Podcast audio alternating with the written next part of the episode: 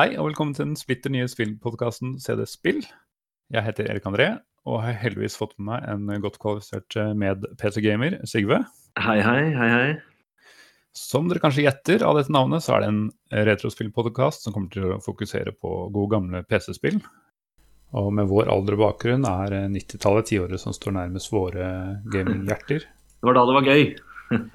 Helt klart, og derfor blir det mye DOS-spill og en del tidlig Windows-spill. Ja, vi holder oss på 90-tallet. Ja, det blir nok først og fremst det, altså. Ja. Og sånne IBM-PC-er var noe vi begge hadde i hus fra ung alder. Og Mm, for så vidt mm.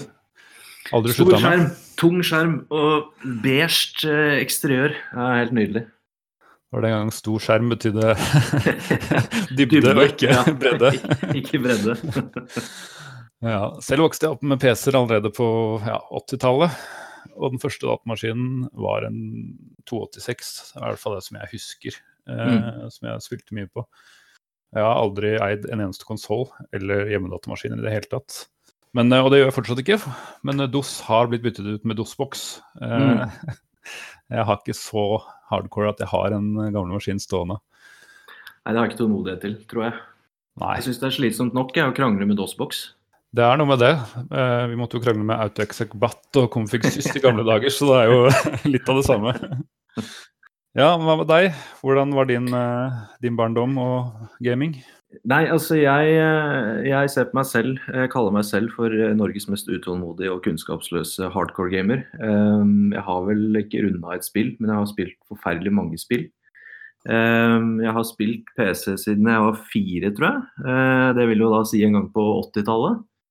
Eh, Og helt klart eh, de beste dataspillminnene mine er jo eh, er fra 90-tallet. eh, Med dype skjermer og beige kontorinteriør, eksteriør på, på PC-ene. Yeah. Mm. Eh, skal vi ta litt Har du noen favorittsjangre? og Skal vi ta det før vi brekker i gang med dagens tema? Å ja, eh, det er Det er På den tiden der så er det helt klart Jeg vil jo si både turn-based, men også RTS. eh, uten å røpe noen eh, titler som kommer i kommende podcaster. Så sett ovenfra og styre små enheter. Absolutt en av favorittsjangerne. Ja, det er god den. Jeg husker eh, 90-tallet for meg var veldig mye Lucas Hearts og litt Sierra og mye Mm. Technoclick-spill. Ja. Ehm, jeg hadde ikke tålmodigheten til det, men eh, grafikken og det grafiske uttrykket husker jeg med, med nostalgi og glede. Eh, og ja, spesielt LucasArt og, og Lucasfilm, da. Før LucasArt, husker jeg veldig Lucasfilm godt. Games, til og med. Åh, ja, gode minner. Det kan hende at vi har eh, mye til fremtidige episoder på den, fra, det, fra det selskapet. Det kan tenkes. Det kan tenkes.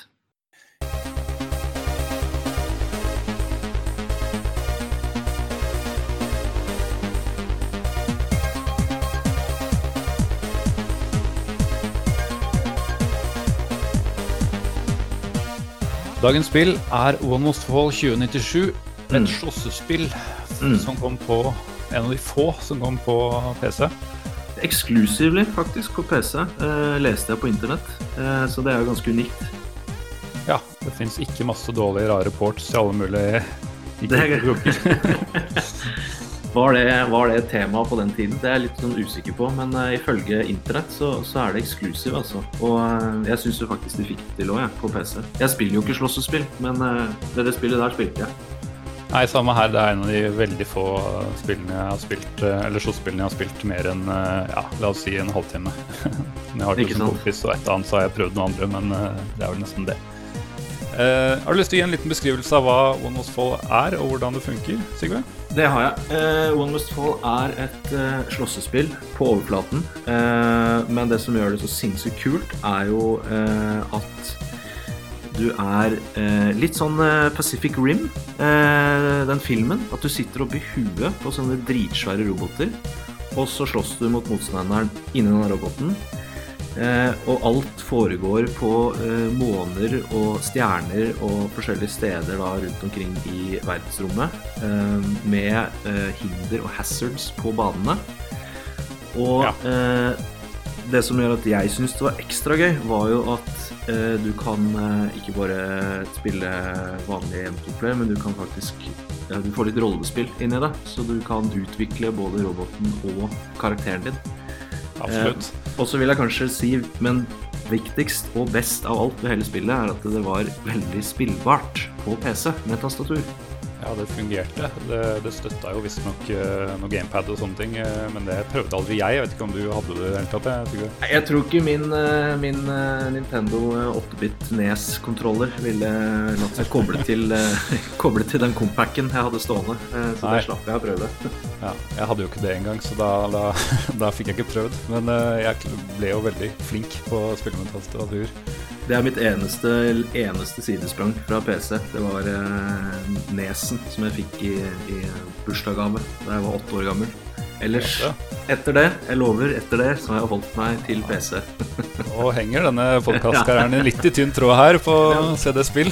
det var ikke frivillig, den ble gitt meg. ja, nei, det er greit med snille familiemedlemmer som gir deg sånne ting. Jeg syns det. jeg syns det. Men tilbake til One of Fall. Det som du nevnte, Hazards er jo det som er litt unikt. At du faktisk eh, De fleste, etter det jeg forstår, da, er de fleste eh, arenaene på slåssespill er bare, bare, pene visual background mm. drops. Mm. Mm. Mens her var det jo faktisk ting som skjedde i omgivelsene. Ja, Med unntak av én arena, så hadde alle de forskjellige arenaene hazards. og Altså, jeg tenker jo til å være et såpass eh, hva skal jeg si, gammelt spill at det kom på tidlig 90-tallet, eh, ganske imponerende kreativitet i hazardsene. For du hadde jo eh, elektrisk eh, gjerde eh, på den ene arenaen. Du hadde Det er den power plant, ja. Riktig, riktig. Du hadde eh, kampfly som angrep med maskingevær fra himmelen på én ja, arena. Og da ser du virkelig størrelsen på robotene, for det er jo ikke nevnt, men de er gigantiske. Disse de er gigantiske. Og de flyene er fryktelig små, så der får man også inntrykk av størrelse. Og eh, den hazarden som jeg hata mest, ikke fordi den var så forferdelig å bli utsatt for, men det er vel mer en sånn, kanskje en mulighet. Denne hazard var på en arena hvor du har en ildkule som svever rundt. Og hvis du greier å treffe den, slå den eller sparke den, så gir du motstanderen skade. Ja, da eh, kommer det en fireball opp fra, fra, gulvet som er så å si umulig å unngå. Du skal ha litt flaks i hvert fall for å klare å unngå Helt riktig. Og eh, som eh, Norges mest eh, tafatte, ubrukelige hardcore-gamer, så greide jeg ikke å treffe den ballen. Men jeg ble veldig ofte truffet av motstander. Så du ble veldig godt kjent med den, bare på, med feil fortegn? det er helt, helt riktig. Helt riktig. Den siste banen som jeg kom på, hvert fall, har, eh, har noen sånne spikes eller eh, sånne som kommer ut på vilkårlig, tids, eh, på vilkårlig både tidspunkt og steder. Sånn og det er litt stilig, fordi dette er jo ikke 3D-spill. Men Nei. jeg syns de gjør en imponerende jobb å skape et inntrykk av at det er et 3D-spill, og de spikesa er jo et veldig godt eksempel på det. For de kommer jo ut fra mørket bakenfor selve arenaen, og ja, stikker deg da hvis ikke du er rask på labben. Ja, du har et sekund eller to på, på, å flytte deg, men eh, du skal jo samtidig slåss. Så det er ikke sikkert det er så mange steder å gå, da, i hvert fall. Så, så, du kan hoppe opp, men da risikerer du bare å lande på den igjen. Så det det er litt vanskelig å komme unna. Og Du har vel egentlig allerede snakka om uh, hvorfor, og det, det, er jo nettopp uh, sånn jeg forstår det, i hvert fall, for å unngå sånn passivt spill. At man har disse hazards. At man ikke bare skal være turtle og være defen defensiv, og, men at du faktisk skal, skal måtte bevege deg litt. Det var ikke greit å campe selv på 90-tallet. Nei. det var anti-camp-spill. Det var anti-camp, det er helt riktig. Det var, uh, det var ikke greit selv da, altså. Og en ting som gjør uh, Fall ganske unikt, er hvordan du velger hvem du skal slåss med. Fordi du har, uh, det er to, todelt. At først mm. velger, du, velger, du, en pilot, som det kalles. Mm. Uh, det er vel ti, ti å velge i. Um. Som, som, går på sånne De gir abilities som hvor, hvor mye du tåler før du blir stunned, og hvor raskt du beveger deg, og litt sånne ting. Eh, deretter velger du robot, eh, som jo er det visuelle, og som er eh, kanskje det som skiller mest. da mm. Som har veldig forskjellige typer moves og spesielle måter å spille på og alt, alt, alt det der. Og her, er jo du, eh, her, er jo du, her må du hjelpe meg litt, fordi eh, som jeg har nevnt, så, så er jo liksom jeg glad i sånne rollespillelementer og sånn, så jeg tror egentlig aldri jeg spilte kampanjen. Ens, enspillerkampanje, eller eh, spilte ikke mot kompiser heller.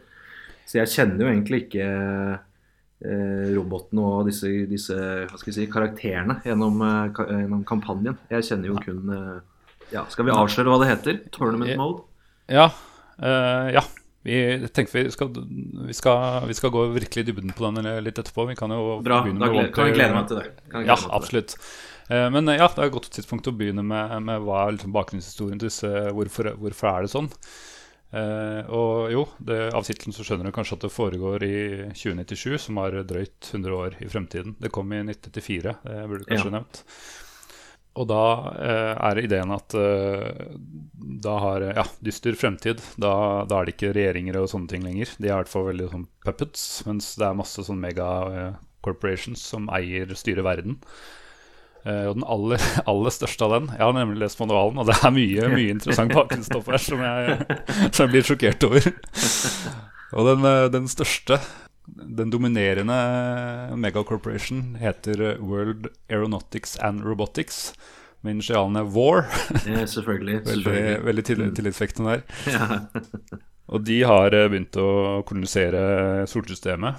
Og nå skal de kolonisere Ganymedes, som er en av Egypters måner. Og da har de funnet ut at eh, måten de skal, finne, måten de skal bestemme hvem som skal, skal regjere den, det er å arrangere en enorm slåsskamp-tournament med Selvfølgelig. megaroboter. Det er klart det. Altså, det er klart, hvis du, hvis, hvis, hvis du mestrer det, så er du sikkert en god leder. Det er jo logisk, det er det ikke det? ja, selvfølgelig. selvfølgelig. Det, men dette er jo, det er jo rett rundt hjørnet, sånn i vår tid, egentlig. Eh, Jeg tenker det er ikke så langt unna sannheten, egentlig. Nei, det, hvis vi er litt dystre, så kan det hende at det blir sånn, men eh, vi får se. Det er Elon Musk som setter i gang det her. Det er riktig. Det er vi, er i hvert fall, vi er i hvert fall forberedt på det. Ja, absolutt. Vi kan mm. kjempe, vi. Vi kan det. Og det som er, da, de har funnet ut en veldig eh, lur måte å gjøre dette på, og det er eh, HAR-roboter, eller Human Assisted Robots. Mm. Og jeg husker vi hadde en liten diskusjon i, eh, når vi var eh, litt mindre, og det var hvordan er det disse blir styrt? Eh, og som du Riktig, sa i stad, så sier du at ja, de, de sitter inni hodene og styrer dem. Det husker jeg du sa. Mm. Jeg var sikker på at eh, det var akkurat sånn som vi, at, vi satt, at det var noen som satt med Mm. tastatur eller joystick utenfor. Uh, Men nå har jeg lest manualen, og det er ingen av delene. Det er, det er sånn at du, du, du sitter og tar på deg en hjelm, sånn nevrohjelm, og så, og så blir du roboten, egentlig. da okay. uh, Så du, du, liksom, du, du beveger deg akkurat som du gjør, på en måte. Eh, Ja. Og så styrer du Ja, så slåss du da sikkert fra førstepersonsperspektiv, da. Men står det noe i den manualen om du da liksom er i et slags sånn tomt rom eller en, eh, en gymsal, eller er du Kan du liksom Kan du gjøre dette på, på do? Kan du multitaske? Ja, jeg tror liksom ideen er at du Det er sånn som um, Avatar, da. At du liksom blir en annen At du blir den Ah. roboten. Ja. Uh, og i motsetning til sånn skikkelig sci-fi tropes, så er det ikke sånn at uh, dør du i, i Nei. Matrix, så dør du i virkeligheten. Uh, det er en trygg måte å gjøre det på. Det er en casual, en casual gamer som er veldig glad for det. At du får Ja. en sjanse sjans ja. til. Ja, nettopp. Og det er uh, også sånn at de robotene um, Det er derfor Altså, den teknologien ble ikke lagd for å slåss, men det ble lagd for å gjøre sånne tungvinte oppgaver på Ja, ute i, ute i verdensrommet og sånne ting. da At da kunne du trygt Kunne menneskene trygt Ah, gjøre oppgaver. da Selvfølgelig. Og hver av disse robotene har jo også da spesielle Altså eh, har en historie. Jeg, har ikke, jeg husker ikke absolutt alle, men noen er veldig sånn løftetungt løfte tungt eh, roboter, og noe er, altså har spesielle funksjoner. Er veldig få av dem som er lagd spesifikt for fighting. Ah, Så det er liksom eh, bakgrunnen. Som ja. jeg ble ganske Ja, jeg leste det ikke best. Til tross for at jeg tror jeg hadde den boksen, så kan jeg ikke huske å ha lest dette før, uh, eh, før nylig. altså, dette er ny informasjon for meg i dag, så dette syns jeg er veldig spennende. Ja. Nei, det jeg også syns det var gøy. Og det, det Ja. Det er noe med manualer var, eh, Det var utrolig mye arbeid de la inn i disse manualene. Jeg er imponert. Det, det er slutt på de. Jeg, jeg får ikke med manual når jeg, når jeg kjøper, kjøper spill på Steam. altså. Nei, og selv om du får det, så er det ingen som har tålmodighet til å lese det lenger. Så det er liksom ikke noe poeng. det er bare bortkasta. Det må stå, stå på skjermen og oppleves i en tutorial. Du skal få det med deg. Og jeg, eh, som eh, notorisk utålmodig hardcore-gamer, eh, jeg skipper jo alle cutscenes. Jeg skipper jo alt av sånn tekst og forklaring mellom eh, faktisk spilleropplevelsen. Så kan jo hende at de har gjort et forsøk på å forklare meg det, men det har i så fall gått meg hus forbi. Ja, der er vi litt forskjellige, for jeg liker å fordype meg inn i slike ting. Mm. Men i One of Fallen tilfelle så er det før en kamp så, er det, så utveksler de en, sånn ca. én setning hver, som stort sett er noe taunts, men som, som skal si noe om de to som slåss, og det er liksom det som er in game. Mm. Og det er jo um, også som står i manualen om hvorfor disse ti uh, personene vil kjempe, er veldig, veldig ulike. da. Det er bl.a. to søskenpar som, uh, som skal ta hevn fordi uh, det var faren deres som døde, eller om det var begge Ah. foreldrene, døde i en eller annen krasj da, som da en war hadde stått for. selvfølgelig et hevnmotiv. Det, Ja. det må til. Og så er det noen som da er veldig maktsyke, og noen som er eh, mer sånn eh, De vil bekjempe altså Det er veldig mange forskjellige motiver, da. Mm. Og det er visst eh, Jeg har aldri klart å runde den one player mode, men det viser seg at de har forskjellige endings, da, avhengig av hvem du vinner med. Ja. Så da er det en liten tekst og en liten snutt som jeg bare Jeg har sett noen av dem på YouTube nå nylig. Så ja, da får du en slags form for satisfaction i, hvis du klarer å fullføre hele one player-moden. Og det består for øvrig av å spille mot alle de andre spillerne, eh, de ti spillerne, og en sånn hemmelig, hemmelig eh, Oh. major Hans Kreisjak, Oh, ja, ja, selvfølgelig. selvfølgelig. klart, Som har en hemmelig robot som heter er klart han heter det. ja. Klart Lurer på om han er good guy, liksom. Ja, ja, ja. Så det er liksom uh, ideen bak der. Mm. Vi kan jo Ja, det er vel egentlig naturlig å si litt om hvordan dette ble til. Og det er en, nesten bare lagd av én person. Uh, og han heter Rob Elam, eller Elam, litt usikker på hvordan man uttaler det. Men han hadde ideen om å nettopp, sånn som eh, vi observerte, at det fantes nesten ikke fighter games eller slåssespill på PC. Nei. Og det hadde han lyst til å gjøre noe med, for han var vel da sikkert uh, Syntes vel det var et savn, da. Så han lagde først en demo eh, som bare het One Must Fall. eh, som bare var to sånn, ja, sånn karatespillere som slåss mot hverandre. Hadde noen få special moves uten noe lyd, uten noen lydeffekter, tror jeg. Og hvert fikk noe musikk. Men det var, altså, ideen med det var et konsept, da. Eh, så, så det går liksom ikke an å dømme det som, som et dårlig spill bare fordi det, det ligger der. Men eh, det er ikke, ikke noe av det som er morsomt med Monsfold 2097, var, er morsomt med det, da. Men han brukte dette concept, kanskje? Ja, det er vel det. Ja. det. Men Mm. samtidig er det såpass velpolert at det har litt, de har litt special moves. Og kan, jeg tror de kan skyte noen fireballs og hoppe og sparke og alt de der vanlige tingene. Så det går, Mm. det, det går liksom an å spille, men eh, det er bare to player demo, kan du si. Og så tok han dette med seg til uh, Epic Mega Games.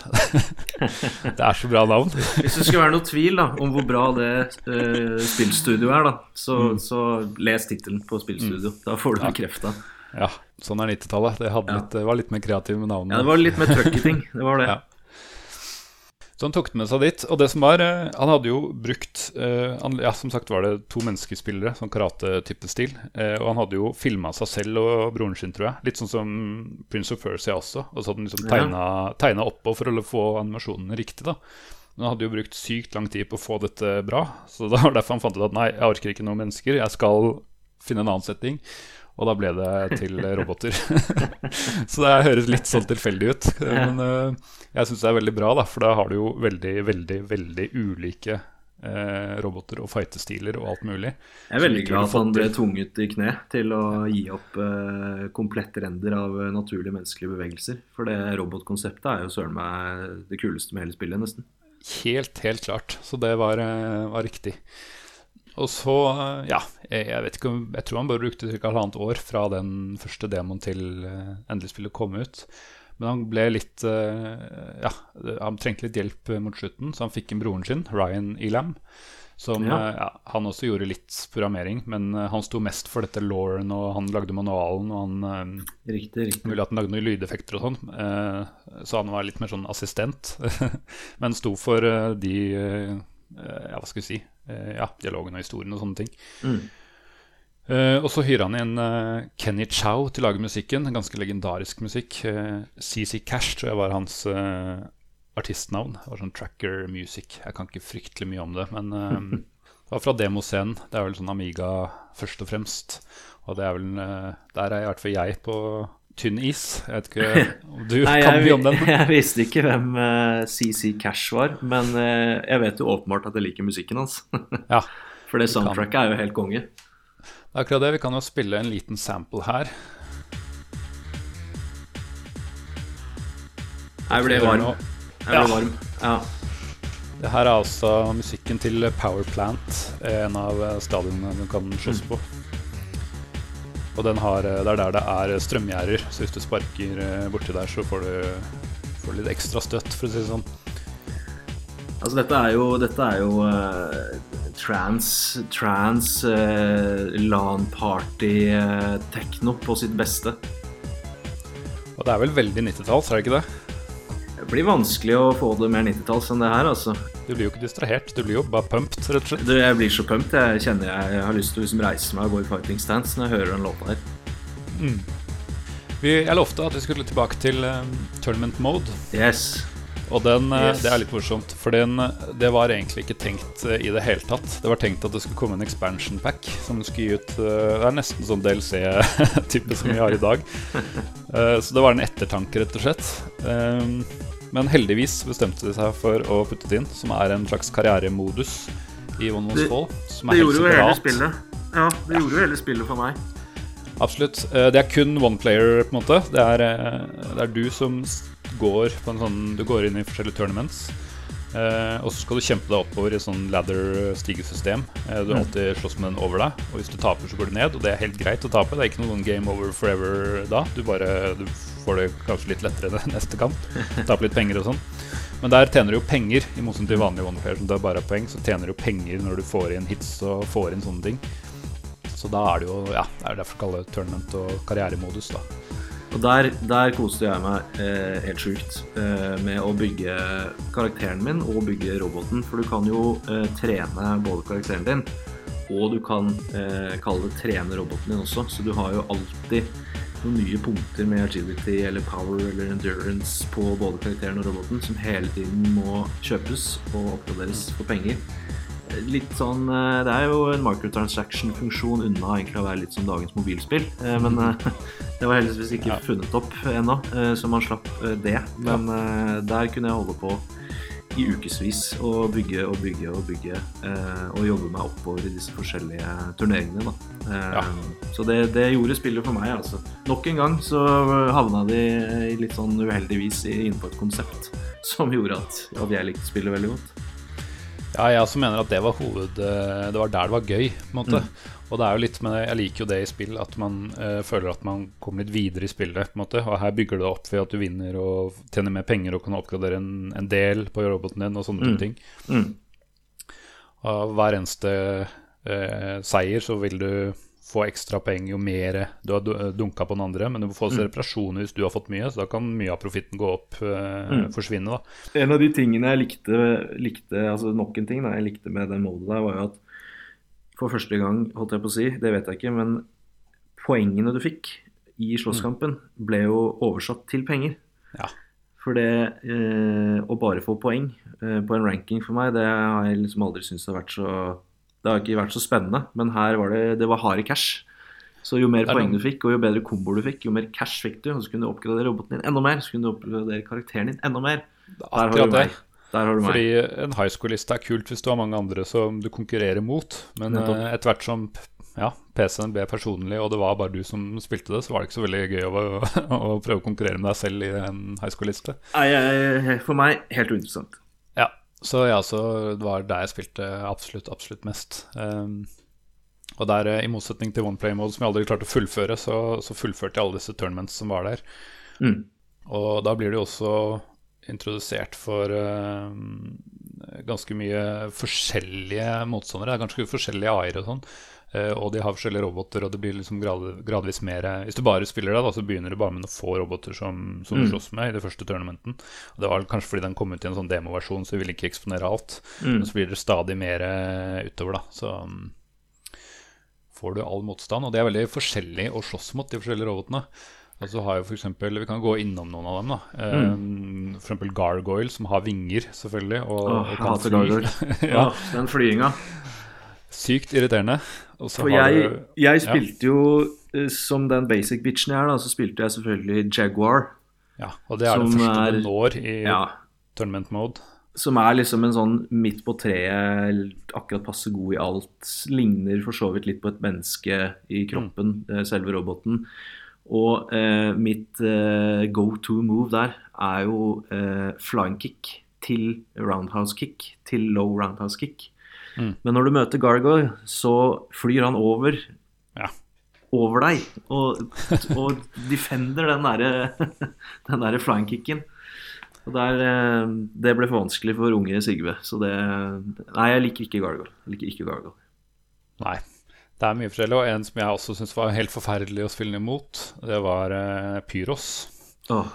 Som du kanskje hører av navnet, så er det flammer, ja. flammer inn i bildet. Um, han uh, istedenfor å sparke og slå, så var det mm. slå og bruke flammer. mm. Som, ja, noe sånne flammebein eller noe sånt? Ja, han kunne liksom flamme både nedover og kunne mm. truste. Kan bruke det mm. truste både fram og tilbake, som var egentlig ganske defensiv robot fordi han kunne, kunne mid-air bare avbryte og hoppe, mm. hoppe bakover igjen. Han uh, var helt grusom, og så tenkte jeg det må jo være en overpowered robot, så jeg liksom prøvde meg en del eh, med den roboten. da men det som viser seg, er riktignok at kan, det er visse ting du ikke kan liksom, flykte fra. Fordi, eh, fordi den, ja, hvis den truster mot deg, så er det nesten sjanseløst å blokkere. Og de flammene, hvis du først de er på vei mot deg, så er det, liksom, da er det også kjørt. Men for å kompensere da, så er den veldig treig. Så idet du har starta en flamme, så tar det liksom to sekunder før du kan gjøre noe mer. Og da er du veldig sårbar. da, Hvis, så hvis motstanderen bare klarer å ikke bli truffet med en gang, så, så er det liksom nesten som en er stunned i to sekunder. Så det er på en måte sådd det er kompensert, da. Ikke sant. Nei, altså Pyros, uh, Pyros, er høyt, høyt, høyt oppe på lista mi over roboter jeg ikke spiller, for å si det sånn. Ja. for det, nei, det, det, der fiksa jeg ikke i det hele tatt. En ræva robot å spille. Mm. Så din favoritt er Jaguar, er det sånn eh, å forstå? Jeg er en basic bitch. Jeg eh, må innrømme det. At Jaguar med flying kick, roundhouse kick og low roundhouse kick, det, mm. det var min kombo.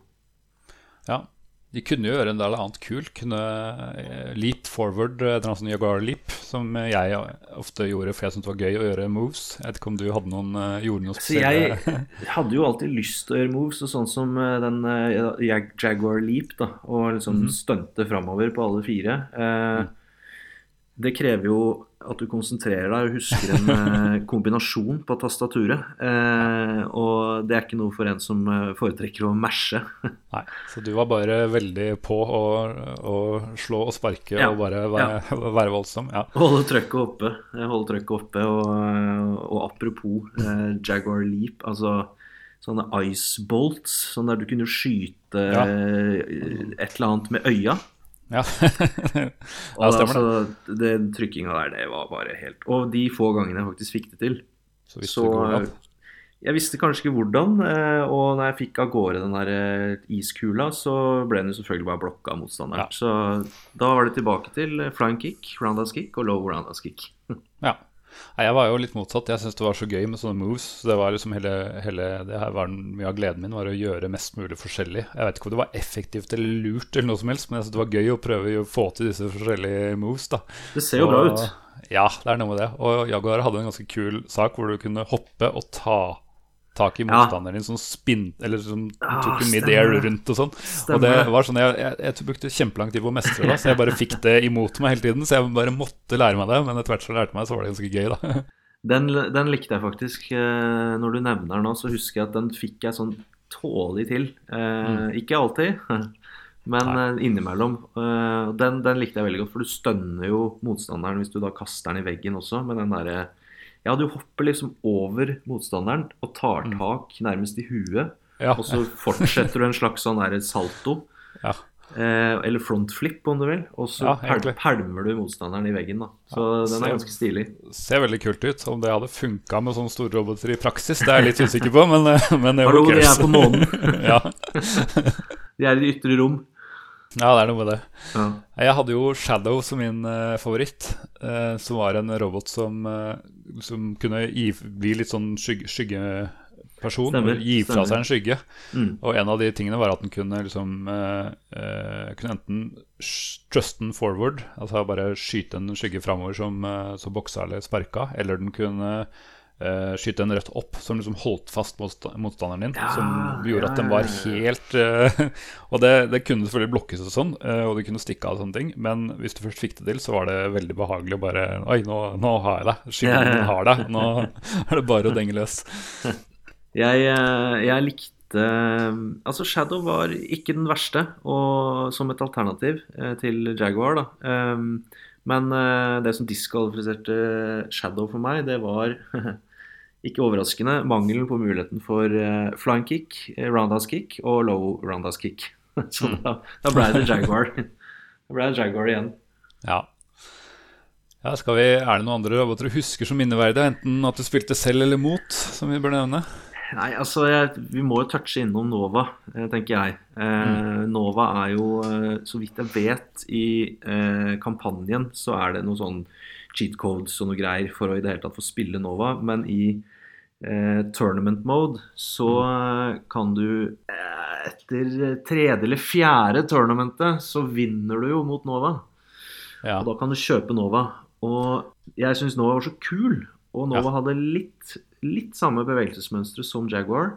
Ja. Men ikke like, egentlig ikke like bra, eh, i hvert fall for min spillestil. Det Men var fordi jo mer sånn massiv. Ja, det var Veldig litt mer massiv. sånn eh, Han var så sinnssykt fet. Så, Mm. så derfor uh, trada jeg ofte inn eh, til Nova, altså et stykke ut i, i tournament play. Ja, og den var vel den som fysisk sett var størst. Den var liksom en sånn, det var en fighter-robot, ifølge Lauren til og med. Den var lagd for for å ta de andre. Ja, altså den dwarfer alle de andre robotene. Han Nova Ja. Er enorm, det er helt riktig. Og det er også, ja, nevnte jeg ikke, men det er også en del av Lauren er at han eh, major Hans Kreshuk har eh, liksom meldt seg på denne tournamenten selv. da, Og at liksom alt skulle være et, eh, være et Han skulle liksom rigga å vinne, for han var liksom siste utfordreren. Ja, liksom selvfølgelig, da, selvfølgelig. da skulle han ta det med hans overpowered robot. Så han er liksom ment for å være litt kraftigere enn de andre. Om hun er balansert og sånn i tournament mode, det aner jeg ikke. Jeg var ikke så god til å, til å finne hva som var i balanse. Som en rimelig, rimelig casual, uh, casual spiller, så tenker jeg at det, den balanseringa, eller, eller overpowerheten, var ikke så voldsom, fordi jeg greide å ta den. Mm. Ja, det er noe med det. Så Så jeg tipper at De skal gjøre det spillbart og morsomt, så jeg tipper at i hvert fall i, eh, i tournament mode og i vanlig modus så er, det, så er den på lik linje med de andre. Jeg Uten tror at det, vi har gjort noe som helst research på det. jeg har veldig veldig dårlig datagrunnlag på det. Jeg har ikke gjort noe, men, eh, men jeg tør å, å liksom lene meg litt på mine dårlige dataspillevner. Og at Mm. jeg da vinner mot han. Det tenker jeg er en sterk indikasjon på at eh, han er ikke veldig OP, i hvert fall. For å gå litt kjapt gjennom bare hvordan, for å få liksom bredden av robotene, så tenkte jeg bare å nevne de, eller liksom noen av dem. Og det er jo Kronos som, som hadde en litt uh, kul effekt, for han kunne liksom teleportere seg. Eh, Mm. Sikkert uh, gå tilbake i tid eller noe sånt ifølge Lauren, jeg vet ikke. Men liksom da plutselig være på andre siden av, eh, av uh, spillefeltet. Ja, han kunne teleportere og stanse tiden Ja, det var noe sånt, ja. Mm. Ja, stemmer. Mm. Og når jeg, så- ser, når jeg ser Kronos, så tenker jeg en eller annen grunn bare på han derre han derre kjeppkaren han som, eh, i Tekken som er bygd opp av trestammer og noen kjepper. Jeg vet ikke hvorfor, men uh, vi holder oss unna konsoll. Vi holder oss unna konsoll. Jeg vet ikke, hva, hva er Tekken? hva er det du snakker om? For de der ute som har spilt Tekken, og det er jo 99 av verdens befolkning, Ja. uh, si fra hvis dere er uenige med meg, men jeg mener han ligner på han derre trefyren. Jeg husker ikke hva han Ja. heter engang. Han trefyren i Tekken. Nok om eh, konsoll. Eh, la oss gå videre på neste robot. Eh, Elektra er jo, kan jo gjette hva han driver med. Det er ja. elektrisitet. Mm. Og kan vel sende noen fireballs eller noen ele electrobolts eller noe sånt. Stemmer, stemmer. Ranged, ranged. Mm. Ja, det var en jeg ikke mestra i det hele tatt og ikke kan så mye om. En annen jeg ikke kan så mye om, er katana. Som en, er Én Igjen mangler, mangler roundhouse kick, flying kick og low eh, roundhouse kick. Eh, og så er det Flail. Han så ganske kul ut. Eh, hadde sånne kjettinger og kjørte vel på hjul, eh, hvis jeg ikke husker helt feil. Litt sånn som en Segway, en, en bevæpnet Segway. Uh, jeg uh, prøvde faktisk Flail lite grann. Han, uh, eller det, eller ja, greide i hvert fall å Jeg greide å få det til lite grann. eh, for du har veldig god rekkevidde med de eh, kjettingene, med de flailsa. Ja. Så du kan dominere ganske bra med de kjettingene, faktisk. Men eh, ja, jeg har sagt det nok ganger, og du vet hva han ikke har. Så jeg havna tilbake på Jaguar igjen. Ja. Og så har du Tårn, og det er altså en robot som ser ganske kul ut. Mm. Som har litt sånn, jeg vi si, litt sånn skarpe kanter og Om ikke horn, så i hvert fall Ja. Ser ut som det er en fighter, på en måte. Ja, helt sant. Ja, hadde du noe Det var jo en sånn special move når du, når du var ferdig.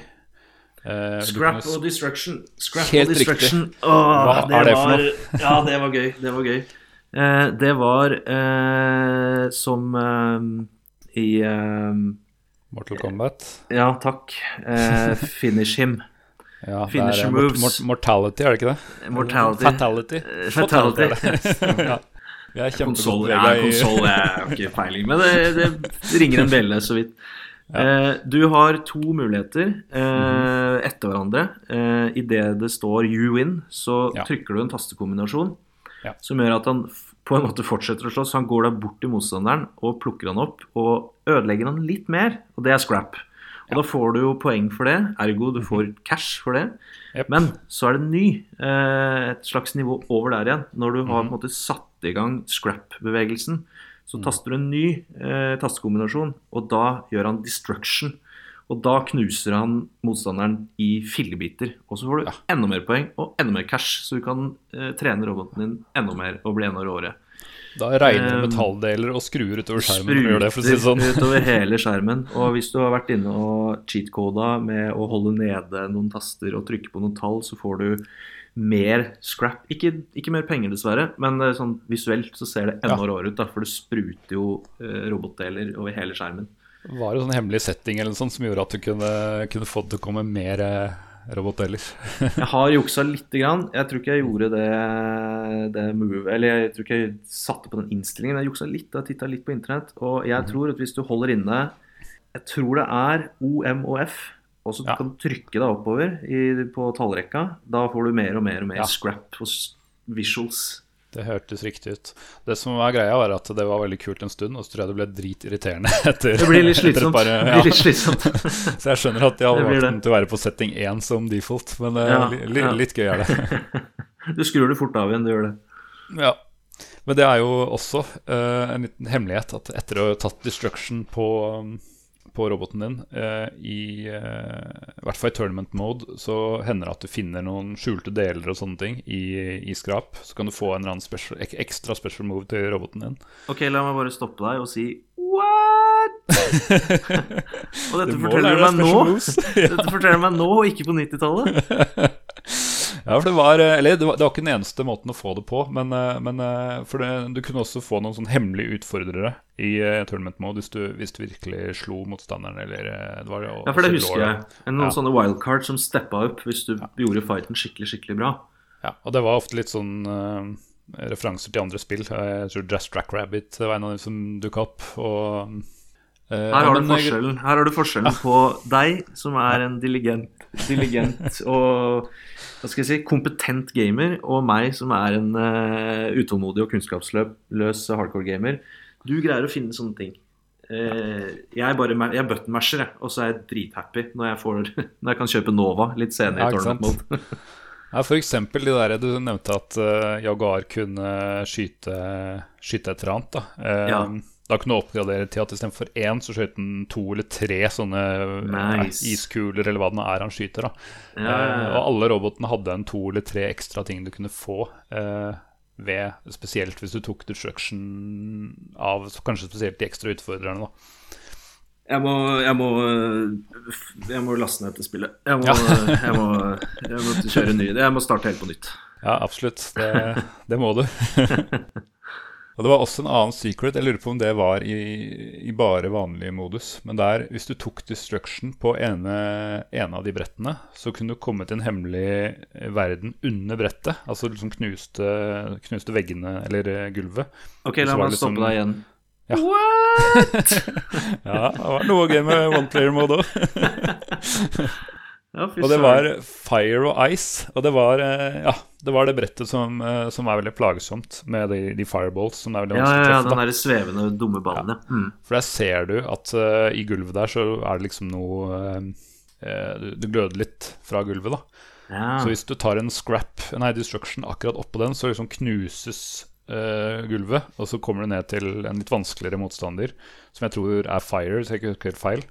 Og hvis du klarer å ta den eh, Og for øvrig, det, det går ikke på easy mode. Du må ha liksom, minimum et eller annet veteran eller et eller annet sånt for å, for å, for å, for å Ja, ha muligheten der, til det. Der er jo jeg diskvalifisert med en gang. Ja. Ja, jeg leste til og med FAQ-er, og det var sånn Ja, lykke til med å Hvis du mot all formodning klarer dette, så får du sånn ti milliarder poeng, et eller annet sånn. Men da var det i hvert fall, jeg tror jeg i hvert fall klarte å komme til Fire en gang. Og jeg tror kanskje jeg klarte å komme til Ice en eller annen gang, eh, som da er under Fire igjen, da, hvis du tar destruction på, på Fire. Men Det er det er sykt, Det er sykt overpowered. Ja, takk for det. Ja, det må jeg bare gi deg creds for. Oss. Det er imponerende. Så, men det tror jeg også var en måte å få disse abilities i one play mode, som ellers bare var mulig i tournament mode. Da. Ja, riktig. Så det er eh, ganske mye secrets i spillet, sånn som det ofte var på 90-tallet. Jeg lurte litt her og der med både easter eggs Med den vanskelighetsgraden eh, som jeg skjønner jeg må inn på her, så, så lukter det veldig Let's Play på YouTube for meg. For å få, Ja. for gleden, for gleden av disse ekstra eh, hidden, hidden brettene osv. Jeg må jo komme med en tilståelse her, da. Sånn eh, siden jeg har, blitt praisa her. Og, og det er ikke at jeg har sett det på YouTube, men at jeg hadde Jeg lasta ned en sånn trainer på, på DOS-maskinen min som gjorde om disse scrap og destruction moves til eh, Ja, du kunne designe dem til hva du ville, så jeg tok vel bare spark eller noe sånt. Fordi det var så vanskelig å time de riktig. Eh, Jeg har fått det til nå, i, nå når jeg har blant annet forberedt meg her, men det var mye lettere å bare trykke, eh, trykke på én tast hele tiden. Trykke Det, da- det svarer på et spørsmål som jeg har gått og lurt på fryktelig lenge nå. Fordi Mm. eh, det er jo det. Det er jo dritvanskelig, for du må huske tastekombinasjonen, og så må du gjøre det på helt riktig tidspunkt. Ja. Og, og begge de to uh, faktorene igjen diskvalifiserer meg til å få Ja. til det der. Men jeg husker jo at jeg gjorde det jo hele tiden. Jeg tjente så Mm. sykt mye cash på det. Ja. Og det uh, faller på plass nå. For den traineren, uh, akkurat som spillet, ble jeg tipsa om Mm. av deg. Og den Mm. traineren også, det er jeg ganske trygg på at du eh, ga meg en liten nudge i siden, og så sa du installer den der. Fordi jeg husker nå jeg hadde en eller annen knapp et eller annet sted på tastaturet og bare masha den da, når det var Mm. you win, og da bare spruta det robotdeler, og det klirra, klirra i dollars i kassa. Vi har vel gått gjennom det meste som er verdt å nevne i spillet nå, tror jeg. Mhm. I One Must Fall. Eh, Jeg kjøpte jo faktisk den fysiske boksen. Mm. eh, Og det husker jeg at inneholdt en plakat av eh, Jeg tror det var Nova. Ja. Uh, Som jeg selvfølgelig hang på rommet mitt Og nå var jeg fet, på, ass. på 90-tallet. Eh, Alle andre hadde sikkert eh, bilde av Pamela Andersen eller noe sånt, men Mest sannsynlig, mest sannsynlig. Men Nova er så mye kulere, så Ja, jeg støtter jeg deg, støtter jeg deg 100 i. yeah. Og apropos, jeg har ikke boksen foran meg, men hva var egentlig Texpex på den? Husker du det, eller har du det foran deg? Altså, Texpexa var jo Jeg mener jo at dette spilte vi nok litt senere enn da det kom ut. Så jeg, jeg kan først si hva jeg spilte den på, og så skal jeg gi deg Spexa. For da var jeg så heldig at jeg eh, hadde en far som drev i kall det IT-bransjen, eller EDB, da, eh, hvis man skal være korrekt her. Så jeg hadde en, eh, en ganske raff eh, Compact Desk Pro. En sånn som eh, Ikke Tower, men en som ligger flatt på Ja, en eh, desktop, ja. Ikke sant? Med, med ganske hissige 800 MHz i, i en Pentium 3-prosessor. Um, og eh, jeg vet at eh, siden dette var en slags businessmaskin, så var det viktig med mye ram. Så jeg hadde ikke standardrammen på 128 megabyte. Jeg hadde topp oppgradert på 256 megabyte ram. Sykt! Det var helt, det var helt vilt. Så den, den eh, Og med et rimelig sånn mekanisk tastatur, da, det var egentlig greit til, eh, til å spille slåssespill på, eh, vil jeg påstå. Um, Gikk det utover eh, det tastaturet, eller? Hvis det var mekanisk det, og det, det var, eh, jeg vet ikke, en fordel og en ulempe at eh, jeg kunne tillate meg å la raseriet komme litt ut en gang iblant. For det var jo alltid et nytt, nytt tastatur å hente. Å ja, du hadde en eh, liten peil. Jeg prøvde å begrense meg, men noen ganger, noen ganger når, når den der ildkula blir truffet, ikke av meg, men av motstanderen, og, og gjerne når det står om mye cash og Ja. siste finalematch osv. Men jeg er ellers en veldig fredelig fyr, altså. Er ellers en veldig fredelig fyr. Bare kan hende kun- noen tastaturer har fått uh, litt tilbakemelding. Det er kun tastatur som, uh, som du er aggressiv mot. Kun tastatur, kun tastatur. Eh, dette her kom jo i 1994, eh, Mhm. og eh, ble da eh, laget til faktisk en 386 eh, ble det designa til. Eh, og da i fantastisk eh, VGA eh, Er det 320 ganger 200 eller noe sånt? Er ikke det VGA? ja, det hørtes riktig ut. Eh, Og det er jo helt sinnssyke tall å høre nå. ja. og, og den eh, krevde så mye som 4 megabyte ram Oi, oi, oi. for å kjøre.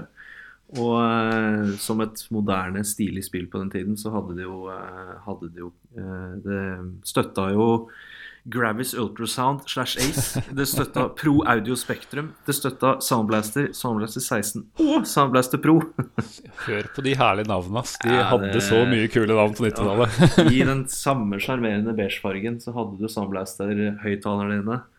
Var Gravis Ultrasound, har du hørt noe bedre? Nei, det, altså Hvorfor hadde man ikke det, liksom? Det må jo være fordi Sound Blaster høres ganske fett ut, det òg. Ja, det var jo på en måte de som vant, da, hvis du skal eh, se litt historisk på det. Det var jo det. Det var jo det. Eh, Men eh, navnmessig så kom de ganske godt ut alle sammen, altså. Ikke det det sto på. Nei, absolutt ikke. Så, så det var eh, imponerende at det var så gøy å spille det på min da ultramoderne PC da en del år senere. En Pentium 3 til og med. Når dette faktisk var et 386-spill. Ja. Så eh, ja, her er det noen som har gjort noe riktig, altså. Det vil jeg absolutt si. Med hvordan de har greid å utnytte maskinvaren og lage et så spillbart og, og visuelt eh, sexy spill, rett og slett. Ja, absolutt. Jeg tror jeg spilte for en 486, uh, for jeg hadde ikke noen 386. Og jeg hadde en 286, men åpenbart så var det ikke det, siden det ikke støtta. Men uh, ja, nei, det var bra. De prøvde seg på en oppfølger uh, en del år senere. som Må vi, sånn, snakke, må vi snakke om det? Uff. Vi kan bare fort si at den, eh, den var ikke noe. Det, de prøvde seg på sånn 3D-ting. Ja. Og det var altfor tidlig 3D i historien. Og det var uh, masse slagsmål istedenfor en sånn veldig definert arena. Så var det liksom kunne du løpe rundt, og det var helt umulig. Og ingenting, ingenting var, det var bra. Det var vel en sånn klassisk, eh, som vi dessverre ser den dag i dag på spillutvikling, en sånn klassisk eh, du glemmer hva som funka, og så prøver du å gjøre mer av alt. Ja, så tror jeg den ble litt sånn stressa at det, begynte å bli veldig mye 3D-ting. Og da, må, da kan du jo ikke ha noe 2D, tenkte, tenkte man. For jeg tror de var ganske langt uh, godt i gang med, med en 2D-oppfølger. Ja, Og så ja, ja. innså de ute på 90-tallet at dette er jo dumt å, å prøve seg på. Når det begynte å nærme seg årtusenskiftet og sånn, så begynte de på nytt. Og da, jo, ja, da gikk det dessverre ikke så veldig bra. Nei, nei, det der eh, Jeg har eh, sluppet å i hvert fall eh, måtte spille det selv, men jeg har jo titta litt på YouTube, og det ser jo helt forferdelig ut. Og det er vel egentlig de fleste enige om, hvis man leser litt omtaler av det og sånt. Det, der Ja. krasja de rimelig greit. Ja. Nei, det var spikeren i kista for det selskapet. Eller Ellam-brødrene. Ja, dessverre. Dessverre. Men eh, det som var morsomt, jeg prøvde å komme i kontakt med eh, i hvert fall Rob Adam, som lagde mesteparten, um, for noen år siden. For Ja. eh, et intervju jeg gjorde. Eller nei, jeg hadde tenkt å få til intervjuet, men det ble bare en tilbakeblikk.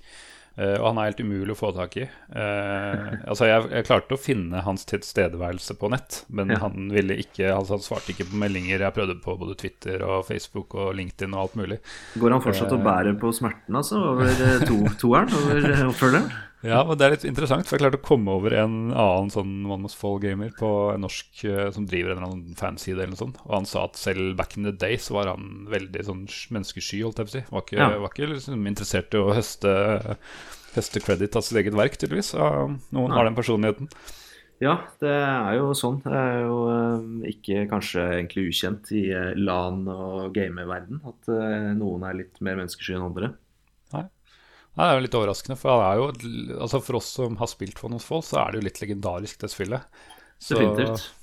jeg vil jo tro Og det, er nok, det at han er så utilgjengelig, er nok grunnen til at det ikke fins på uh, GOG, f.eks. Ja. Uh, men han gjorde det freeware i jeg tror det var 99 eller noe sånt. Så det er eh, lov å laste den ned fra internettet. Riktig, riktig. Så Eh, last det ned og spill det. Ja, det er ikke ulovlig engang. For Så det er veldig kult spill. altså. Det er jo um, et For det er jo har det holdt seg i dag, er jo egentlig spørsmålet. Ikke sant? Nettopp. Og det har det. Det har virkelig Det har holdt seg i dag. Det er jeg spilte det eh, masse i forrige uke. fortsatt gøy. Ja. Det er fortsatt gøy. Jeg spilte det ikke forrige uke, men jeg spilte det for litt lenger siden. Eh, men fortsatt da på supermoderne maskiner på 2010 i et eller annet tall. Ja. Og ja, det har holdt seg. Det funker, og det er gøy. Ja, nei, men Da er vi enige om det. Det hadde jo for øvrig ikke så veldig mange konkurrenter. Um, det var jo en av grunnene til at han lagde det, som jeg nevnte i stad. Men han hadde faktisk én. Har du hørt om um, Rise of the Robots? Jeg syns jeg har hørt navnet, men hjelp meg. Ok. Eh, hvis du ser noen stillbilder av Race of the Robots, så ser det veldig veldig imponerende ut. For det kom ut omtrent samtidig. Jeg tror det kom i 94 på høsten en gang. Eh, det er, ser veldig smooth ut, eh, men hvis du begynner å prøve å spille det, så skjønner du at, eh, at eh, jeg blir litt fornærma. Jeg har hørt at folk blander disse spillene noen ganger. Folk som ikke er PC-gamere. Ja. Eh, Jeg spør ja, har du spilt One of Fall? Ja, Race of the Rovers. Den, den har jeg spilt. Eller den har jeg hørt om. Den har jeg sett. Bare, nei, nei, nei. De hadde riktignok veldig bra sånn animasjoner og roboter som slåss med hverandre, men det, var, det er det man, positive man kan si om det spillet. Ja. Det er, det er liksom du, du slåss på en fabrikk eller noe sånt med stadig vanskeligere robotmotstandere. Og du får, du får ikke velge, du skal bare velge en underpowered som, som, som skal slåss med noen andre. Ja. Og du får eh, Ja, det blir vanskelig og vanskelig å overleve. Og du kan f.eks. ikke bytte plass. Du skal alltid være på venstre side, og de motstanderne er alltid på høyre side. ja. Og en del sånne rare ting. Så de som tenker at uh, One Must Fall og uh, Rise of the Rovers er samme spill, eller omtrent det samme, de kan gå og legge seg. De tar feil. De tar feil. Ikke Helt spill Rise of the Robots. Ikke spill One Must Fall 2, hvis det var det den ble kalt. Battlegrounds. Battlegrounds. Spill One Must Fall 2097. Helt riktig. Det er den versjonen du skal spille. Definitivt. Yes, vi begynner å komme til veis ende. Det har blitt en ganske lang første episode, men jeg håper dere har eh, kost dere. Det har i hvert fall jeg. Det har jeg også, og vi har tenkt til å fortsette med dette. Så om noen uker så er det en ny episode på vei. Takk for nå. Ha det bra. Ha det bra.